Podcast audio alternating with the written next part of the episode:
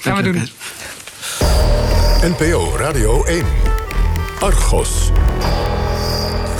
Wie ook op dat congres bij de VVV in Antwerpen is... is de oud-directeur van de VVOJ, Margot Smit. Margot, zit je er ook? Ik zit er ook. nu tegenwoordig de NPO-ombudsman.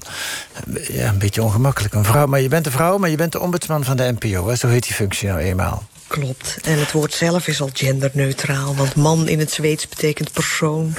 ja, maar we, we, we, zitten niet in Zweden hier. Hè? Nee, maar het is wel een hele mooie, al heel lange oude Zweedse praktijk... om te bemiddelen in, bij klachten en conflicten. En dat is wat ik doe. Oké. Hey, je hebt voor ons gekeken naar de Bellingcat The Movie. Uh, uh, vertel, wat, wat, wat voor mensen zijn dat eigenlijk bij Bellingcat? En wat is Bellingcat? Zet het even neer voor de, voor de mensen die dat nog niet weten. Bellingcat is een collectief uh, van... Uh, uh, ja, burgers eigenlijk. Ja, die, nerds, uh, slimmerikken. Ja, nerds. Uh, meest mannen, heel interessant. Er komt in de hele film één keer een vrouw voor. Die zit ook wel achter een computer, maar is toch niet een onderdeel van dat collectief. Nee. Bellingcat is dus een collectief dat um, via open bronnen op internet onderzoek doet naar ja, fenomenen, uh, incidenten. Het is ooit begonnen met onderzoek naar de oorlog in Syrië... en welke wapens daar nu gebruikt werden.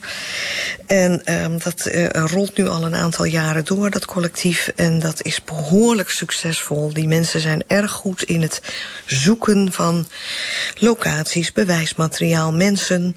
Ja. waarmee ze uh, um, ja, grote issues aanpakken. Het, het grappige is, ik zeg wel nerd... maar waar ze eigenlijk gebruik van maken is uh, Google, Facebook, LinkedIn... De, hele, de gewone dingen waar jij en ik ook allemaal bij kunnen in principe. Klopt, en dat is het interessante. En dat is ook waarmee ze ja, uh, uh, eigenlijk kunnen aangeven... van wij zijn geen geheim clubje, wij ja. doen geen geheime dingen.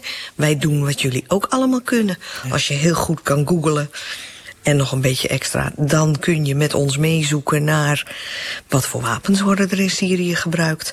Waar werd nou de uh, raket uh, vandaan afgeschoten waarmee de MH17 omlaag is gehaald. Ja, het is dat soort zaken. Ja. Laten we luisteren naar het begin van die documentaire.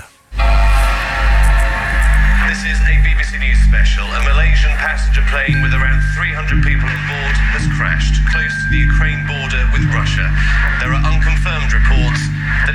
down. The Malaysian airliner had been flying normally without problems and had been due to enter Russia. An American journalist has been beheaded by ISIS terrorists. A video showing the horrific killing was released on the internet a short while ago, along with a message to the United States. Ja, dat laatste ging over de executie van de journalist James Foley door IS. En daarvoor ging het over de MH17, wat hier in Nederland natuurlijk enorm tot de verbeelding spreekt. Uh, ze wisten al uh, vrij kort na het neerstorten, of het neerhalen moet ik zeggen, van het vliegtuig, te melden dat dat gebeurd was door een boekraket, afgeschoten door een Russische brigade. Uh, hoe kregen ze dat voor elkaar? Ze, hoe zij precies zo geïntrigeerd zijn geraakt door die MH17 is mij niet helemaal helder. Ik heb zelf ooit Elliot Higgins, degene die dit collectief gestart is, in 2014 ontmoet, een paar maanden voor het neerstorten van MH17 in Italië op een congres in een veel te luid café. Ja. Een hele verlegen jongen die stond te vertellen over wapens die gebruikt werden in Syrië en hoe die dat dan, hè, hoe die daar achteraan ging. Een Engelsman, hè? Een Engelsman en uh, afkomstig uit, ik geloof, Leicester of ja. Sheffield, zoiets. Op, in, je hebt bijna het idee van de, van de, de echte nerd in zijn pyjama uh, achter zijn computer. Um, zij zijn uh, uh, geïntrigeerd geraakt door die MH17 uh, uh, en zij gaan zoeken op een manier waarvan je eigenlijk inderdaad denkt, als je ouderwets denkt, je stapt een bibliotheek binnen, je trekt alle boeken uit de kast die je tegenkomt en je gaat bladeren. Ja. En zij zijn gaan zoeken op basis van wat wij nu gebruiken als bibliotheek en met elkaar, om mee, met elkaar mee te praten, die, die sociale media. Journalisten die, of militairen in, in Oekraïne, wie waren daar, wat was het verkeer? Keer op Twitter, op die plek, op dat moment, over een, een fenomeen, een neerstortend vliegtuig. En dan vervolgens kijken wie waren die mensen die daar met elkaar over praten. Wat zeiden ze tegen elkaar? Posten ze misschien foto's? Waar waren die mensen twee dagen geleden? Wat deden ze de dag daarna? En zo zijn ze een, een puzzel gaan leggen van, van berichten die met elkaar gewisseld werden op Facebook, op Twitter. En daar rolde uiteindelijk al vrij snel een bepaalde Russische eenheid uit. Ja. En zelfs bepaalde mensen inmiddels. Dat is de stap die ze sindsdien gemaakt hebben. Want Ja. zij geven ook niet op. Net als Investico, die onderzoeken die rollen maar door. Dus eh, ook Bellingcat blijft zoeken. Ja, en dat was eh, een paar maanden nadat het vliegtuig eh, neergeschoten is. En, en een paar maanden geleden, in mei van dit jaar... is het justitieel onderzoeksteam tot de conclusie gekomen... dat het inderdaad klopt en juridisch te bewijzen is. Hè. Laten we even Ja. luisteren naar Wilbert Paulussen van dat onderzoeksteam. Het was vrij begin in het onderzoek dat we Bellingcat al zagen. We konden niet naar de plaats eh, delict. Maar bijvoorbeeld ook in de eerste dagen verschenen er op internet al tapgesprekken. Nou, tapgesprekken heb je normaal in je eigen onderzoek. Dat weten de burgers niet. Die stonden nu al op eh, internet. Er kwamen foto's op internet. Dus voor ons was internet eigenlijk in het begin al meteen erg belangrijk. In het begin was het toch wel even, oei, wat gebeurt hier? Want wij zijn gewend oh, dat wij meer weten dan de buitenwereld... en dat we in die relatieve rust ons onderzoek eh, doen. En nu waren er alleen onderzoekers die, die over heel de wereld eh, actief waren... en eigenlijk al vrij snel met een soort van mogelijk scenario kwamen.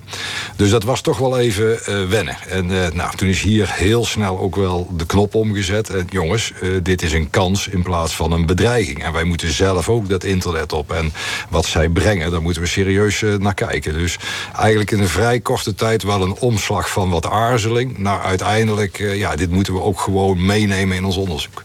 Ja, fenomenaal hè, wat ze eigenlijk voor elkaar krijgen.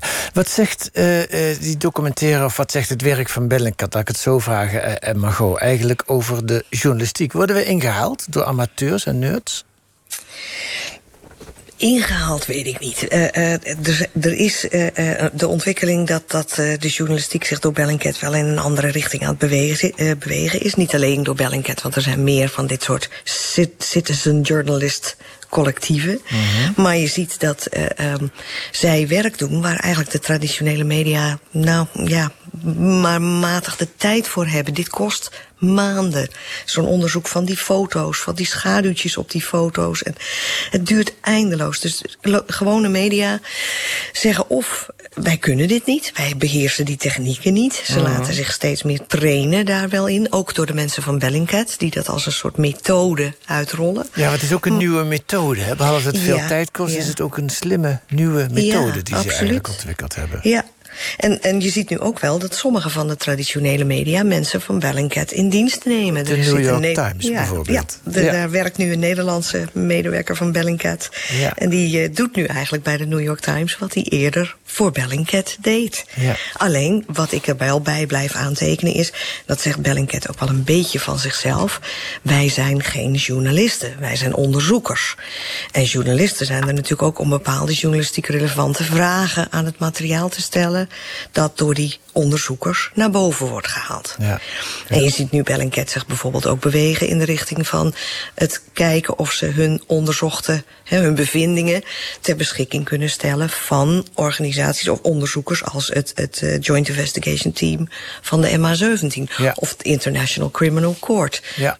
Is Ja. het houdbaar wat wij vinden en blijft het ook staan als het in een rechtszaak wordt gebruikt? En daarmee gaan ze een nieuwe kant op Ja, ja. interessante kanten. Want ze bewegen zich daar toch ook mee in de richting van wat, een wat activistischer opstelling dan ze tot nu toe hadden. ja dat gevaar bestaat. Maakt het ook natuurlijk. kwetsbaar. Ja, dat gevaar, maar dat maakt eigenlijk onderzoeksjournalistiek überhaupt kwetsbaar. hè. Die verleiding hebben we allemaal wel een beetje soms. Is dat zo, Kees? Jij niet dan? Nou, we hebben hier op, de, op, op het congres een hele interessante discussie daarover. Wat is je rol als journalist? Ben je ook activist? Of vind jij, jij vindt dingen uit, jij, Ja. jij zoekt dingen uit... en het is aan anderen om daarmee verder te gaan. Nou, dat lijkt mij de goede eh, uitgangspunt. Jay Rosen, een mediaprofessor van de Universiteit van New York... hoorde ik in de documentaire ook zeggen dat Bellingcat... die moeten heel transparant zijn over wat ze gevonden hebben... want dat is hun bewijsmateriaal. Ze hebben niet de BBC of NPO Radio 1 of wie dan ook achter zich... om te zeggen dat het klopt wat ze zeggen. Ja, klopt. Dat is het enige wat ze hebben. Ze hebben geen grote naam. Zij hebben hun werkmethode en die moet glashelder en indisputable. Hè, niet, niet onderuit te halen zijn. Ja. Rosen zegt, don't, hè, dit, dit is de groep mensen die werkt onder het motto... don't believe me, here is the evidence. Ja. Ja. Dat is wat zij doen. En, en een heel interessante methode. En, en het is het enige wat ze hebben. Je ziet in de documentaire Poetin ook eh, het over ze hebben. En ja, het is dat eh, volgens mij Trump nog niet weet dat ze bestaan. Maar anders dan... Eh, trok hij er ook eh, wekelijks uh, een la over open. Margot Smit, ombudsman van de NPO. Eh, dankjewel voor deze recensie. We gaan kijken, want hij komt dinsdag 20 november... om half negen op NPO 2, wordt hij door de VPRO uitgezonden. En mensen die niet kunnen wachten, op 16 november... dus aanstaande vrijdag is hij te zien in, op het ITVA. Um, dit was Argos. Uh, straks Radar met over het afgelaste concert van de hiphopgroep